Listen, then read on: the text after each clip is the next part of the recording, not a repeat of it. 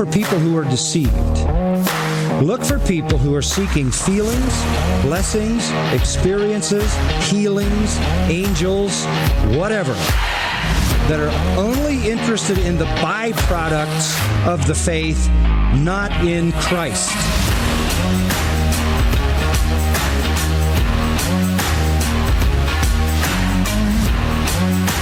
Come out from among them. Run for your life. Because this is about your life. It's not just about an opposing theology or conflicting viewpoint on Jesus. This is about your life. Run from gospels that focus only on success and prosperity. Run. Run from churches where men and not Christ are glorified. Run. Run. Body of Christ, run. Get out. Run from churches where you're comfortable in your sins. Run from preachers that stand and tell stories and jokes. Run like you've never run before.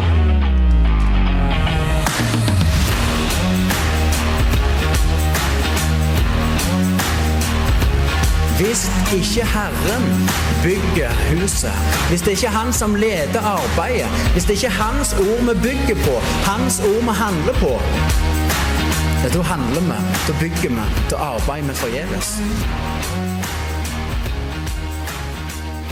Velkommen tilbake til Reformerte lekmenn. Mitt navn er Håvard Handeland, og med meg i studio så er jeg Thomas Opstad og min gode venn Nahum O'Brien, som er gjesten i studio i dag.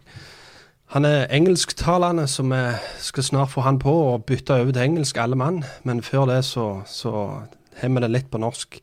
Meg og Thomas vi er lekmenn begge to, og det er vi òg når det kommer til engelsken, så dere får ha litt eh, nåde med oss i, i eh, hvordan vi formulerer oss. Så får vi håpe det går greit.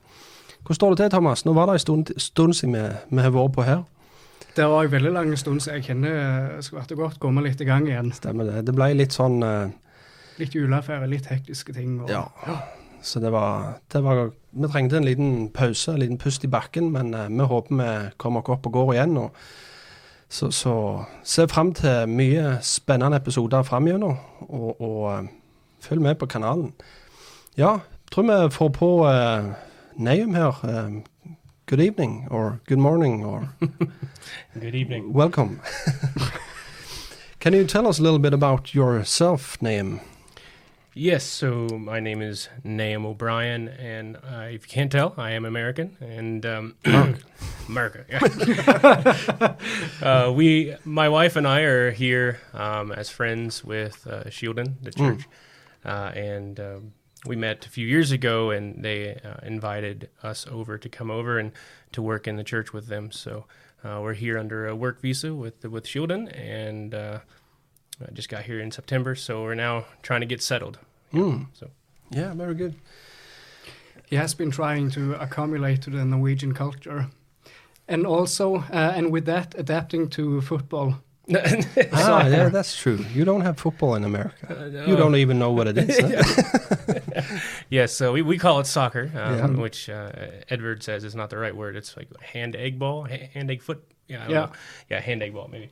Um, but yeah, so what what uh, Thomas is referring to is the other day I was in Narva and I was walking around and uh, saw a uh, a bunch of soccer m- memorabilia or uh, paraphernalia, and um, it was the Vikings, the Vikings Football Club, and I was like, it had a good logo, it had a, a good name, the Vikings, and uh, the merchandise looked good, so I went and bought some. I bought a flag and I bought one of those little scarves, and uh, I And Thomas got mad. yeah, huh? he did, yeah. Proud- Got disappointed.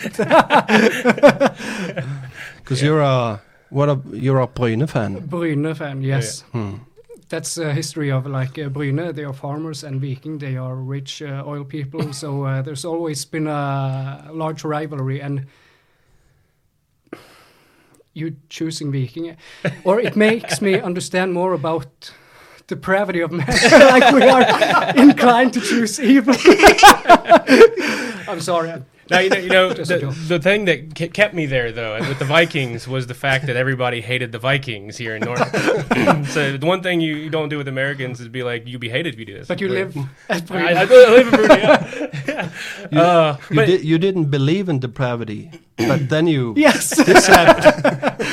honestly, it was the logo. The Bryne, uh, they might have a great football team, great history, but they have a terrible logo. it looks like a tomato sitting on top of a lettuce leaf. Maybe that keeps with the farmers thing, but it looks like it was done in the 1940s and it needs to be updated right quick. And then maybe, maybe I'll switch. I forgive you. Biblical forgiveness right there. All right. The the topic for today is going to be hermeneutics, and um, that's something that Nahum likes to. Uh, no, that's something uh, of your um, hobby horse. Is Ah. that a, is, that, Yeah. is that a good word? Yeah, it's it's, it's an area that I, I'm probably I wouldn't say most interested in, but definitely interested in, above more things. Uh, I'm also doing my uh, doctor of ministry work in it as well. So, um, so it's kind of a consumes my time, and obviously the podcast that I started, the hermeneutics podcast, is. Uh, is, is going quite well from what I expected it to do. So, Yeah. yeah. Yeah, talk a little bit more about that uh, podcast. Where can you find it, and wh- what is it about?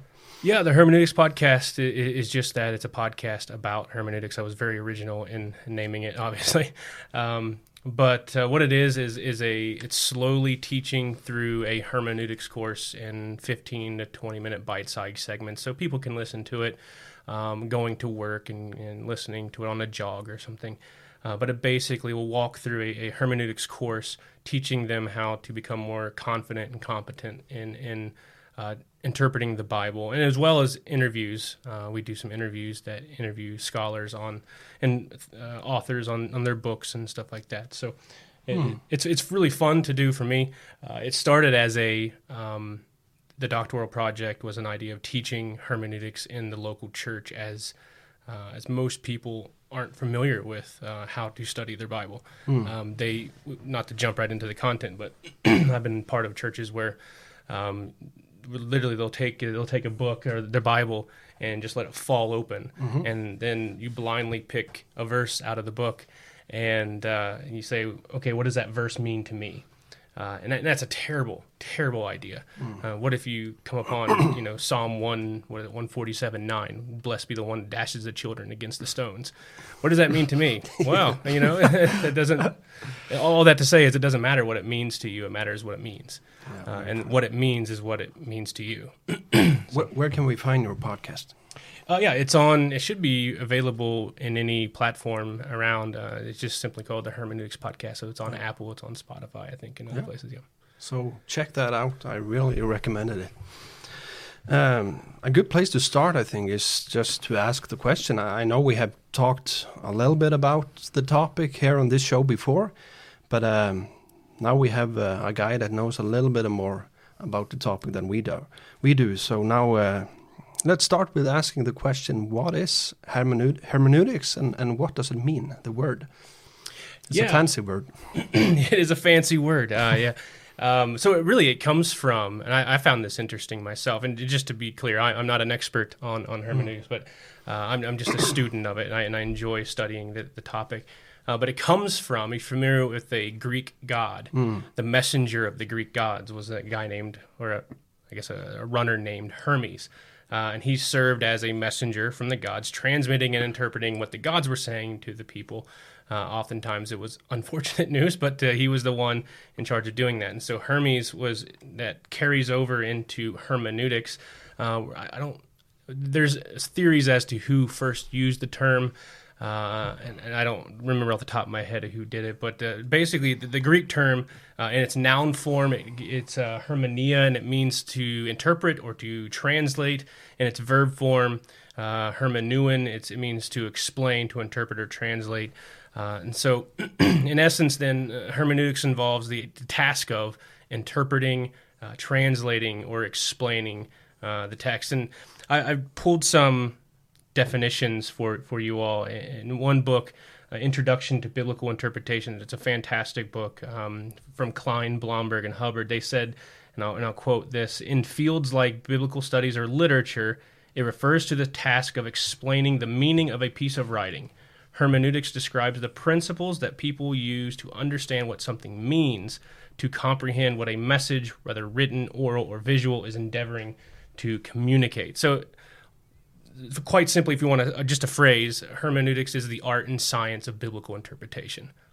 Hmm. Yeah, very good answer. Um, can, can we start to just compare different hermeneutical uh, methods that are amongst Christians today? Maybe that could be a good place to start. Because there are many different ways people interpret the Bible.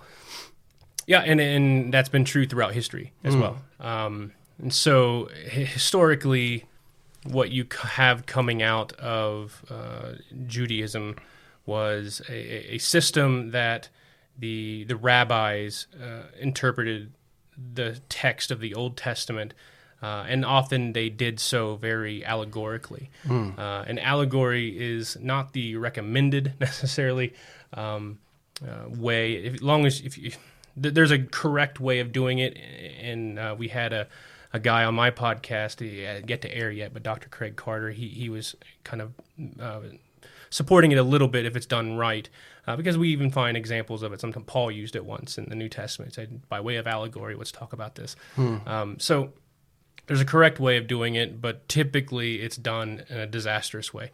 Uh, but as you move to um, the, the, Middle Ages, the, the, early church had some uh, blending of what we would now look at a, a historical um, critical approach or a, a, historical grammatical approach to hermeneutics. But before you go there, yeah. you, you said that um, rabbis used uh, uh, allegorical method. Yeah.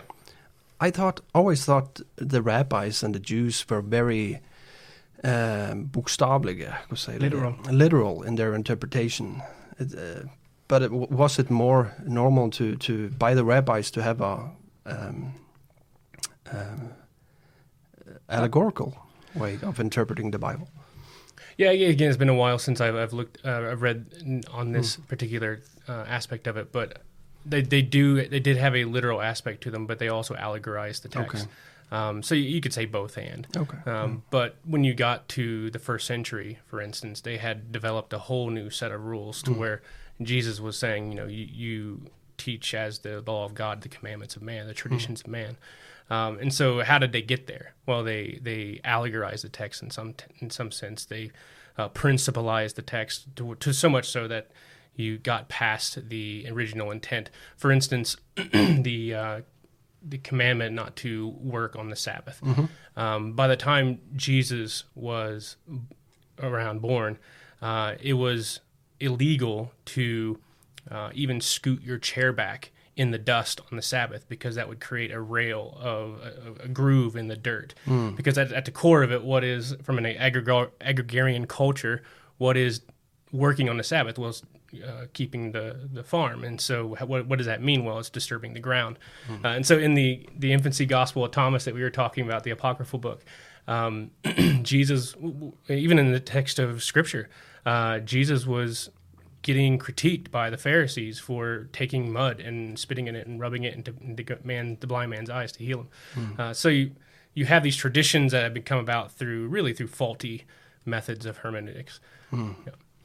I, I, also read a, a rabbi that uh, talked about uh, uh what the Jews had made. Uh, th- those extra laws they have made to protect the law, yeah. that, uh, the, the Sabbath, and one of them said that they weren't allowed to look themselves in a mirror because hmm. then they would be tempted to to pull out the gray hair if they saw one. that was work. so I was reminded of one recently where uh, you weren't allowed to walk a certain distance. Yeah. And so, how did the Jews get around that? Well, they started leaving household items in various spots around the city. So, if I could walk a certain distance, pick up some household items there, I'm at home again, and then I can go on to the next little pocket of household items. Mm. And that's how they would walk longer than the prescribed distance. Okay. yeah. But if we go further, are there, if, if we talk about different uh, ways of interpreting the Bible today amongst Christians, yeah. what are some popular way and very normal ways that are uh, normal, uh, ways to interpret the Bible that would be different from what you would say is uh, orthodox way? Hmm. Yeah, well, it's, it's hard to say orthodox because again, there's been various um, methods used throughout the history of the church, um, and generally, the one that um, it kind of builds around is the historical historical grammatical approach, uh, which is simply um, taking interpreting the text through its what the text actually says, the grammatical aspect of it, and the historical aspect of what is it saying in context of what it of, of the time and the author that it's being said in. Other approaches that are around today, you, again, you have the allegorical that's still around.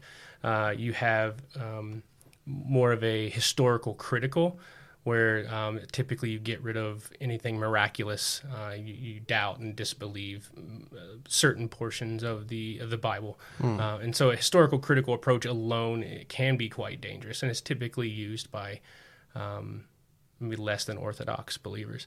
When you get to, you can also have more of a reader response. So typically, it falls on a line of a scale. Uh, you have Uh, so far as how you determine meaning. So you have the author determines meaning, you have the text determines meaning, and you have the reader that determines meaning. These are the three options you really have.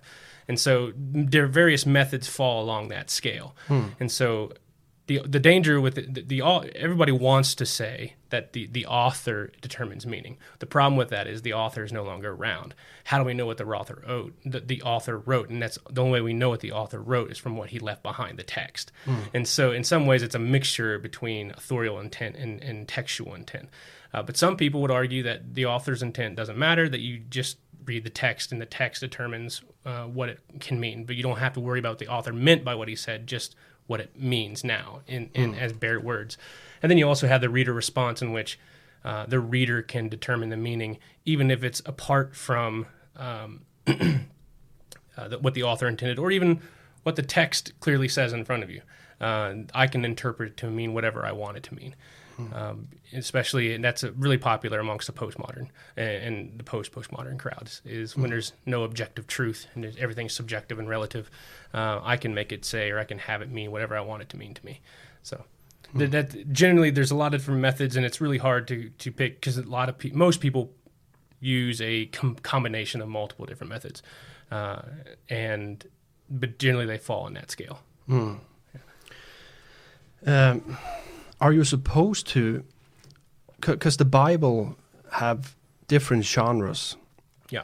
Are you supposed to change the hermeneutic when the topic or genre changes, or are you supposed to have a consistent hermeneutic through all of the Bible? Uh, both and. Um, Okay. th- there, there's there's some things um, that you would say are, we divide hermeneutics up, the art of science of hermeneutics, into what's called general hermeneutics, uh, principles of interpretation that we use um, with the whole of Scripture, and then there you can narrow it down to uh, special hermeneutics, and so special hermeneutics is different rules that I would use, for instance, uh, with prophetic books than with um, the wisdom books. Um, so there was slightly different uh, methods and, and rules that I would use in interpreting the the apocryph, you know, the apocryphal books or the, the Book of Revelation, Book of Daniel, Ezekiel, stuff like that. Than I would do interpreting uh, historical narratives. So there, but there's some that you would use all throughout. For instance, um, we can talk about uh, generally we the Bible is to be taken literally um, until you get into metaphors or figures of speech. Obviously, the Bible is not meant to be taking quote unquote literally there, even though you're taking it literalistically. So when Jesus says, "I am the door," you don't say Jesus is a solid piece of wood with hinges and, and a doorknob. You know, he's not claiming to be that, uh, but in a very real way, through the use of metaphor, Jesus is describing a reality. So he's being literal through figurative language. So the, yeah, there I would say both and. Yeah. Because uh, a very normal uh, debate uh, amongst Christians today is that one side claims that yeah we just read what it's um, no we we just uh, read what it says you know uh, we just interpret it literally and and shouldn't be a problem and you just spiritualize the text. Right. What would you say to that dichotomy there? W- Say that again. Uh, what would you say to someone that criticizes you for just spiritualizing the text? You should be taking it literal. Yeah, well, I, I would say I, I need to be interpreting the text the way the text is intended to be interpreted. Um, going back to the Jesus is the door example. Um, G, again, if I if I take it, if I'm just absolutely um, hard headed and I want to take it literally, then I I've developed a, now a cult because now I'm mm-hmm. saying that Jesus is a piece of oak mm. and uh, he has hinges, and you know you can go on into allegorizing that if mm. you want, but. It, the idea is Jesus is using a metaphor. So when it comes to certain text or something like that, you, you're supposed to interpret it the way it's intended to be interpreted. Uh, when it comes to, can, can you think of a specific text that you're you- you're wondering about? Uh, No, uh, that's a good question. Uh, a good question. I, I know that Jehovah's Witnesses, Yeah, uh, their view on God is like is that he he is he is has a human body, yeah, and that's because they have interpreted the uh, text that describes God in a literal way. When God says, "My right hand" or "My eyes are upon the earth," Yeah. and and, uh, and that that has made them interpret uh, God as being a human with with uh, uh, not a human but a yeah, a being with a body. Yeah. When the scripture says that he is a spirit, yeah, and uh, that would maybe maybe be one example of how it to to just interpret the whole Bible literally, it would end up in yeah. in Yeah. heresy. That's a, that's a, that's a perfect example. And, and so- so what they're doing is they're taking, um, I forget the technical term for it, but uh, the author is using ideas Anthropomorphism. There, yeah. It, it it goes the ideas about God that we would understand um, when we know that God is spirit. Um, but yet he says, "I'm going to hold you in my hand." It's it's it's a it's a word picture Yeah. that the author is using to to show us a truth that that we are. Um, we are safe, and in the same way, like the the psalmist says, "God is my rock."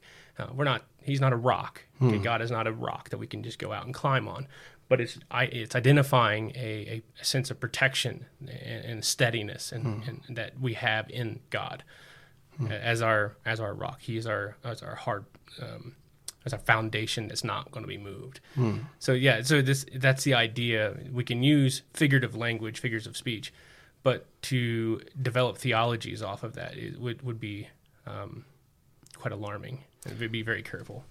You, you, you mentioned uh, earlier about just opening the Bible and putting your finger down on the page and just asking, what does this mean for me, and and so forth. And and you also have, uh, yeah, you have that abstract interpretation of the Bible. It's like abstract art. You look at a picture and you say, what does what do I think that picture is? You know, Yeah. and many people. Um, um, think like that when it come when they come to the Bible. They they uh, use it as abstract art. And uh, can you give us some examples and also um, the seriousness and and uh, why it's why is it wrong to to handle the Bible in that way? Yeah, so let's go. Let's go through some um, some silly examples we can all enjoy. Yeah. Because we had mentioned some before we started the podcast that were quite funny.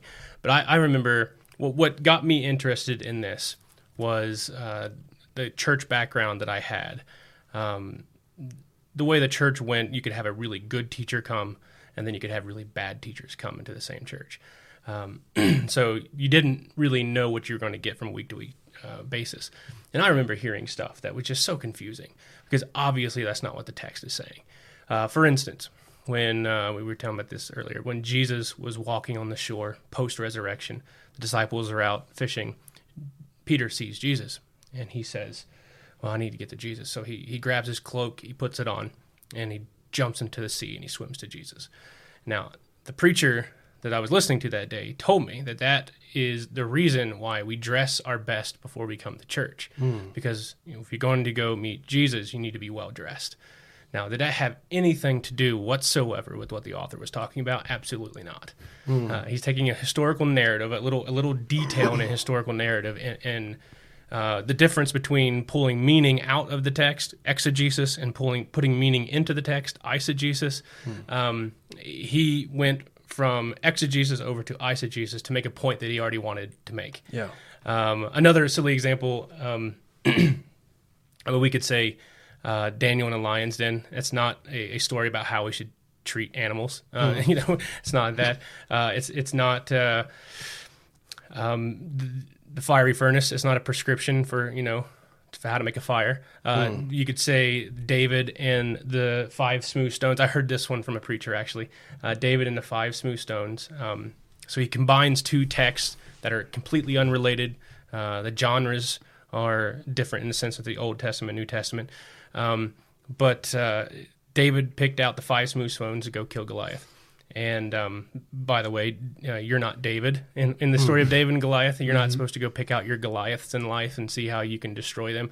That's not the point of that text. Um, but so we go into the five smooth stones, and he connects it with the one where Jesus is triumphal entry, and the people are praising mm-hmm. him as the Messiah, the coming Messiah, and the Pharisees are upset, and so they say, "Why are the people praising you? You should stop them." And Jesus says, "Well, you know, if these people stop praising me as a Messiah, the stones would cry out, hmm. and so if the stones can cry out, now I'm going to take that principle." And I'm going to take it back to David's stones, the five smooth stones, and allegorize that text and say, what would David Stones be crying out to us today? And so one of the things is that you tithe your in tithe well uh, above the ten percent that this preacher was asking. You should wear a suit and tie, preferably a double-breasted suit. Uh, the third one, and there's just it's just on and on and on, and it's just what in the world just happened to the text? Uh, he just ignored the text. Now, why is that bad? Yeah, that, that, That- that- that's- that's an important point. and, and really we could go into why why we need hermeneutics, uh, kind of in that same idea. Um, but let's let's start with why it's bad first. Um, so there's reasons why mistreating scripture is bad, and, and the first that I would say is your hermeneutics drives your your theological enterprise. I'm not I'm not coining this. This is something that I pulled from a, a collection of different authors and speakers and stuff like that. So it drives your theological enterprise. And what that means is, to quote Virkler, hermeneutics is not isolated from other fields of biblical study. It is related to the study of canon, textual criticism, historical criticism, exegesis, and a biblical and systematic theology. So basically, what we're saying is hermeneutics, how you interpret your principles you use to interpret the Bible, is the foundation of your exegesis. Your exegesis is the foundation of your biblical and systematic theologies. And so the theology that you have will ultimately be derived from how you treat the Bible. But apart from all that, uh, another reason why uh, this is bad and wrong is because it is possible to study the Bible wrong. You know, so uh, God tells us, or Paul tells us, that um, to be good stewards of the word, um, how does he say it? Uh, to divide right, word. rightly dividing the word of truth. If you can rightly divide it, there's a way to wrongly divide Yeah. it. And so it's it's and I agree with the author. He says it's it's a moral issue that God cares how we interpret the scriptures. Deuteronomy 18, 18 through 20. I'll put this in my notes. Uh, Moses writes, I will raise up for them a prophet like you from their brothers, from among their brothers, and I will put my words in his mouth, and he shall speak to them all that I commanded him. And whoever will not listen to my words that he shall speak in my name, I myself will require of him. But the prophet who possesses, or or sorry, to presses to speak a word in my name that I have not commanded him to speak, or who speaks in the name of other gods, that same prophet shall die. Hmm. God holds the prophets accountable for what they are saying God is saying. Yeah. And so, in the same way, God's word, God's uh, inspired word, His what He has said in His word, if we say that God says something which He did not say, we have created a moral offense against God. Now we have lied, and God holds us accountable for that. Now it gets even deeper when you could say, well, we're not intending to get it wrong. It's just an accident. Because let's let's be fair, we have the human element in in, in regards to interpretation. Where typically we are. Uh, let's start from the beginning. Doc- what's crazy is hermeneutics is tied to all the other doctrines. So now you tie it to the doctrine of depravity, and so man is by nature we have darkened understandings. We have uh, bends towards sin. Uh, we have from from a even apart from the sinful aspect, we have different capacities, different intellectual capacities. We have different tastes. We have different qualities about us. Uh, we have different levels of education. Um, that's why someone who's never heard about hermeneutics may be less uh, gifted at interpreting the Bible than maybe I am, and I might be less gifted than someone who's been learning and teaching hermeneutics for the past 20, 30 years. You you you become more proficient in it, and in general, you have our nationalities, uh, our our languages, our forms of thought, our customs and morals. These are all things that we come to the text with that inadvertently may affect the way that we interpret the text. Uh, and so, all that to say is, God cares how His word is interpreted and uh, misunderstanding is always possible.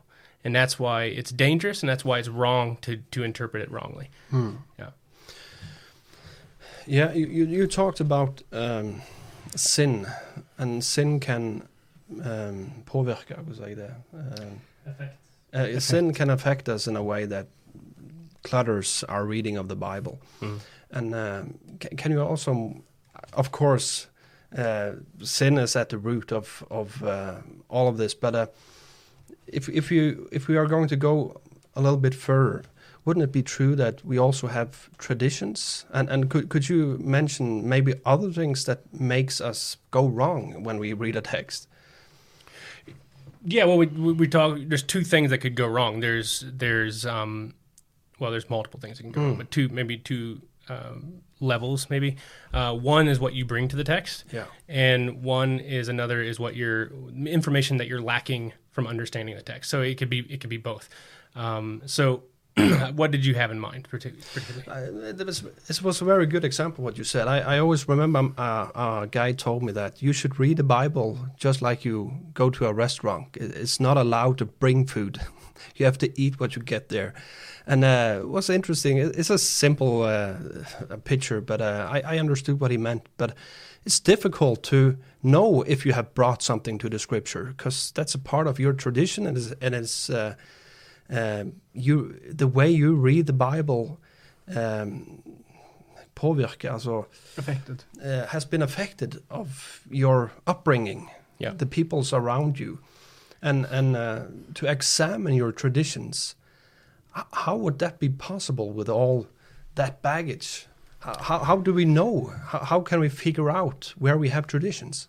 Well, so you, you have you have that which you know of, and you have that which you don't know of, and uh, that which you know of, you can hopefully um, place aside and try to, and that's why we, we we'd say that you know you go and you pull meaning out of the text, uh, but even what you bring in inherently and intuitively that you don't know about is going to affect the way you read it. Um, I I remember a story of uh, I believe it was a missionary. He was talking about uh, teaching this the uh, the prodigal son, the, the the parable of the prodigal son to two different cultures. One was like I think it was like an Eastern culture that had a much more honor shame society and had a much more community aspect, and one was a Western culture. And I think the, I'm recalling this off the top of my head, but I believe that the question was asked after they read through the text of the parable of the prodigal son um, what was the reason or the cause for the prodigal son's uh, decision to go to back to his father? What was, what was the reason why he got to that point? And the Westerners, they th- took the idea and they were thinking, well, it's because the uh, prodigal son took all this money and he lived frivolously and he spent it needlessly. He wasted uh, he wasted this financial blessing that he had that he essentially stole from his father, and um, he that after losing that through his frivolous living, that's the point of no return. He had to go back to the father. Now, the Eastern concept, while they while they recognize that, they grasped more on the idea that there was a famine in the land, hmm. that there was a famine in the land, which Westerners typically don't even realize is in the text. There was a famine in the land that caused such an economic downturn that this man went broke, and furthermore, the community didn't help him when he was in need. And so they latched on to the idea that there was this massive famine, that the rest of the community wasn't helping him when he was in need, therefore he had to go. Hmm. And so, so what's the true reason why he had to go back to the father? And you could see how a Westerner would look at it differently than maybe an Easterner, just from Uh, and that might be very general as far as like people groups and stuff, but uh, there's two different people groups that were reading the same text and coming to different conclusions about why he had to go back to the Father. Uh, and so that can show you how our and our inherent um, miscon or, or our inherent uh, biases, I guess you would say, uh, influence the text even when we don't realize it. Yeah. Yeah, good example. Uh, a little, I think it's a related question. Why is it that many pastors and theologians that say that they have the same hermeneutic, and it's usually the historical grammatical her- hermeneutic, they say they use that hermeneutic when they come to the Bible, but still they end up with different interpretations of the Bible. Why is that? Uh, honestly, it's the same reason why we could both watch the same game. We could see the same car accident, and if you ask us to file a report on what happened in the crime or in, in the car accident, uh, we would have different reports. Uh, it's because of our perspectives and what we pull out of the text. Uh, it could be what we what what emphasis that we see in the text when it's uh, maybe different for both of us. Um, and again, there is a right way to interpret the text, but and, and good, well-meaning people can interpret it wrongly. And so, ultimately, what you have with communication is we were talking about this before. You have the there's there's five really um, parts of a communicative process. You have the sender, which is now me speaking to you. Uh, you have the message that I am speaking, which is uh, the message itself is a third point, but my speaking it, the way, am I writing it? Am I speaking it? Am I am I uh, doing some kind of charades? Um, or how am I encoding the process to you? Uh, and then there's you, the receiver, the fifth point, who is decoding. How are you receiving this? And we said normally you have a, a feedback going on. You have you guys telling me that you misunderstood. We, we don't have that with with written communications oftentimes. Uh, imagine finding a, a letter, a poem, uh, in the woods. You don't know who the author is. You don't know who the recipient is. You just find the poem. Uh, are you free then to just interpret that however you want? Let's say it's a love poem, and uh, clearly an, uh, a male individual is is uh, is um, expressing his undying love towards his uh, female companion. Okay, are you now free uh, to to take that upon yourself, switch the genders, and be like, oh man, this is a letter of love. My my long lost admirer is now loving me. Uh, no, you're, you're not free to do that because that wasn't written to you. Uh, it wa- didn't have you in mind. What he's communicating wasn't communicating to you. So there's there's a whole issues with that. Uh, and on top of that, there's there's different things uh, that we call noise in, in the communicative process.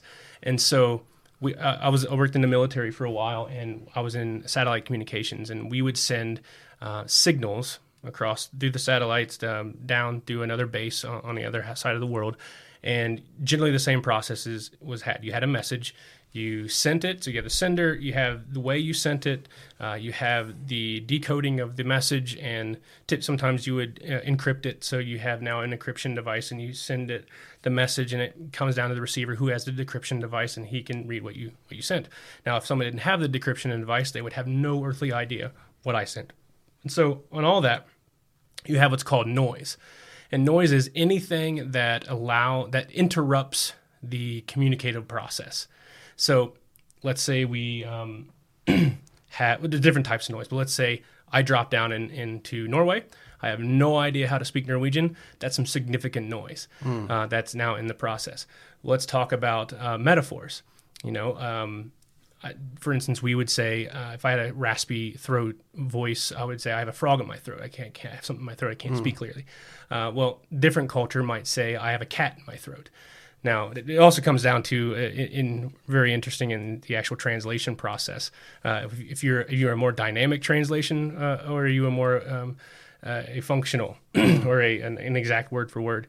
Do you translate it let's say you're doing it from the culture that says a frog in my throat to a culture that says a cat in my throat. Do you keep the frog uh, and translate it as frog, in which the next culture that you're writing it into would have no earthly idea what you're talking about? Or would you change the word and you change it into a cat in my throat? So technically, you're changing the word of scripture, but you're getting the idea across. And so that's an interpretive process. But um, ultimately, you have all these gaps in our understanding. And what we call these gaps, we call this noise. Uh, and so you have historical challenges, literary challenges, and theolo- theological challenges. it, under the historical, you, the text of Scripture was written thousands of years ago. So there's this there's this historical context that's far removed from our historical context today. You have a geographical gap. These events that are happening in Scripture are far removed.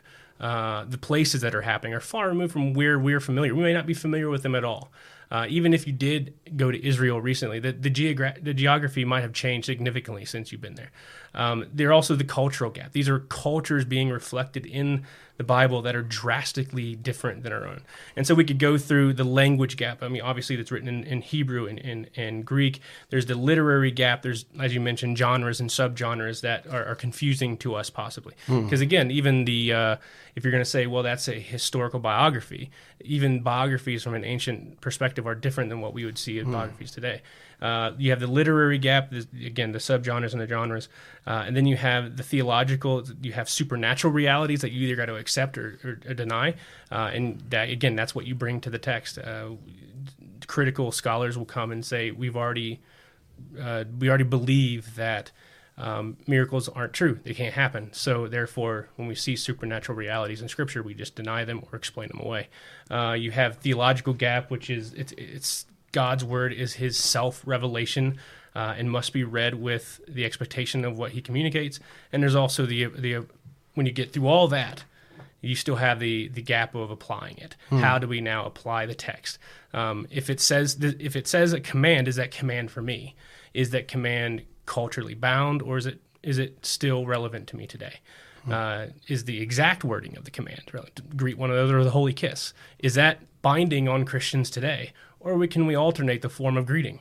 Because hmm. uh, I didn't get, I did not give you brothers a holy kiss, and and I would be offended if you tried to give me one.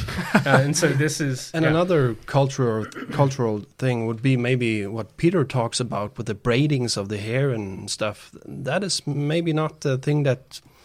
Uh, th- that looks like a cultural thing that maybe mm. was popular at that time, and to really look beautiful, you would have to braid your hair, and that was something that took a lot of time. And I don't think that that passage forbids a girl to braid her hair, and I don't think that passage teaches that you shouldn't wear any jewelry. But uh, in that context and in that culture, that was maybe how to go too far uh, showed itself in those areas. Maybe I yeah. don't know. Yeah, yeah. Well, you have the Old Testament stuff too. Like, um, don't, don't uh, was it? Don't cut the corners off your yeah. beard. Um, don't wear two types of clothing, uh, mm. two types of material in the same outfit. Uh, mm. Build a build a railing around your roof so people yeah. don't fall off. Um, yeah. So all these things are commandments in Scripture, and so what do you do with them? Mm. Um, most most of the time, you, people will say, "Oh, that was culturally bound, or covenantally bound, mm. or hmm. um, nationally bound to Israel." Uh, but then you get some stuff that we have honest disagreements with. Uh, for instance, uh, head covering on women when they go mm. into uh, into the church service. Um, the people who don't advocate for women's head covering somehow tie it to the historical aspect of it. This connection with um, what the church in Corinth was actually going through mm. during that time. Whereas other people that believe that it should be mandated for the church today, they connect it to actually creation, and they say, well, it's it's beyond the historical uh, cultural connection because this Paul ties it in with with uh, with creation, and so mm. it, it's a it's a form of um, respect and submission that you see through creation. Mm. And so then, but then you ask, well, okay, so if even if it's tied to creation, then how do you appropriate it for today? Or appropriating meaning applying. Yeah. So how do you apply it for today? Does it have to be applied in the same way today as it did back then, or can it be applied differently? Uh, so you're still getting the same creation uh, principle from it of submission, but then um, can, does it have to be uh, the covering? Does it have to be the same type of covering? Does it have, you, mm. see, you see what I'm saying? Yeah. Uh, so there's a, it comes out in a lot of ways these these gaps in our understanding. Hmm. Yeah, I was just thinking because uh, we also uh, have this thing of uh, apostolic interpretation, yeah. and I guess this would also fit into this conversation. And uh, that is the idea you may have a verse in uh, the Old Testament, maybe a prophecy or something, uh, talking about something happening in a specific context and we see in the New Testament, uh, either Paul or the writer of the letter, he applies it in another context. Mm. So, how are we to think about that verse that is being uh, said again uh, from the Old Testament to the New Testament? Is it like they have uh, that one verse has two meanings, or um, yeah, how how are we to? Uh, what is the result Uh, of this uh, apostolic uh, interpretation when? does that verse in the Old Testament is it to be understood in light of the verse explained in the New Testament? Hmm. Or I, I, could give an example of what you're talking about. Mm. Maybe in Matthew when it talks about out from Egypt I called my son. Yeah.